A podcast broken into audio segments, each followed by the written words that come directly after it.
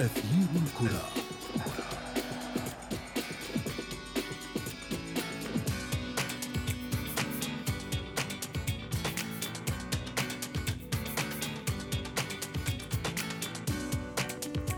سيناريوهات مجنونة كتبها أهل المستديرة بطموح التشبت بالصدارة. حبر المنافسة سال في كل شبر من ملاعب القارة العجوز. فهناك من تميز بمهارة الفوز وهناك من أفلت من خسارة محققة وهناك من يعيش لحظات ندم مريرة بعد رفضه هدايا ثمينة من ملاعب مجاورة. كل هذا والمزيد في أثير الكرة الذي ينطلق الآن من العناوين. انتفاضة ليفربول تحبط مخططات توتنهام في ليلة كروية مميزة لصلاح وكين. فارق النقطة. يبعثر حسابات فرق الليغا واليوفي يرتكب خطأ لكنه لا يدفع ثمنه. وفي فقرة ما لا تعرفونه عن كرة القدم. نكشف لكم كيف أزاح ليستر سيتي فريق مانشستر يونايتد من التربع وحيدا على عرش قائمة أكبر المنتصرين في البريمير ليج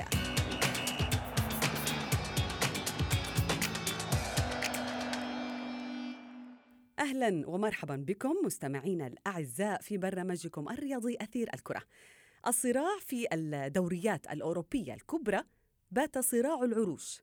نتائج فرق المقدمة جاءت متباينة ليكشف شهر أكتوبر عن مفاجآته التي تخدم فرقا على حساب أخرى وسندخل في تفاصيل كل ذلك في الجولة السابقة من المنافسات الأوروبية ولكن دعونا بداية نستعرض أبرز الأرقام والنتائج من أبرز البطولات العالمية.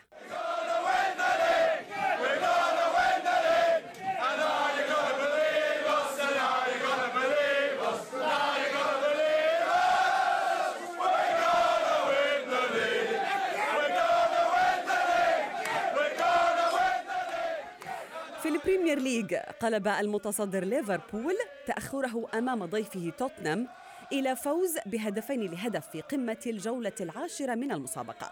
فيما تربع أرسنال وواصل نزف النقاط بتعادله مع كريستال بالاس بهدفين لكل شبكة. واستعاد مانشستر يونايتد نغمة الانتصارات على حساب نوريتش بثلاثة أهداف لهدف. فيما تعادل وولفرهامبتون مع نظيره نيوكاسل بهدف لكل شبكة. في ملاعب إيطاليا نجح فريق العاصمة روما في الفوز على ضيفه AC ميلان بهدفين لهدف رافعا رصيده إلى 16 نقطة في المركز الخامس فيما تجمد رصيد الروسينيري عند النقطة العاشرة في المركز الثاني عشر. وفي أكبر نتيجة ليلة أمس حقق نادي أتلانتا انتصارا عريضا على حساب ضيفه أودينيزي بسبعة أهداف مقابل هدف وحيد معززا بذلك موقعه في المركز الثالث في الدوري بعد تعادل مطارده المباشر نادي نابولي مع ضيفه سبال بصاحب المركز قبل الأخير.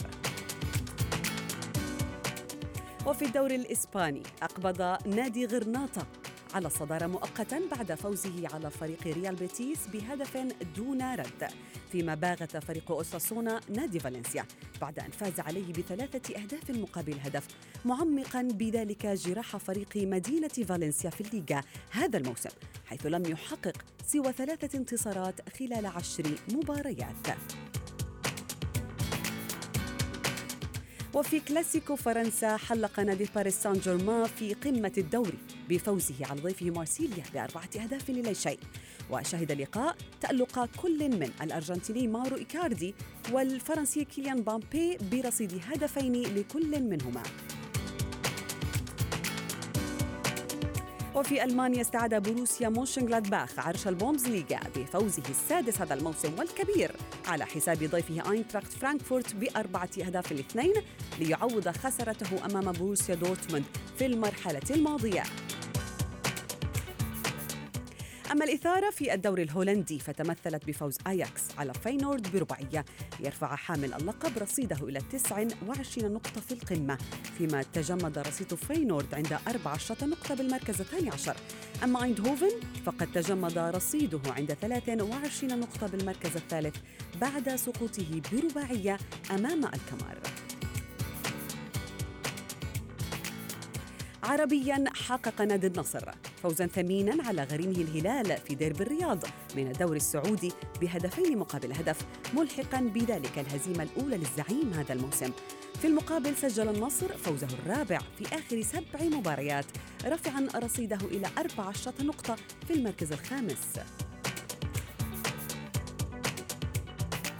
وأخيرا في الدوري الإماراتي قلب الجزيرة الطاولة على ضيفه اتحاد كلباء بعد أن كان الأخير متقدما بهدف إلا أن العنكبوت عاد من بعيد ليسجل فوزا ثمينا بثلاثة أهداف لاثنين. أثير الكرة.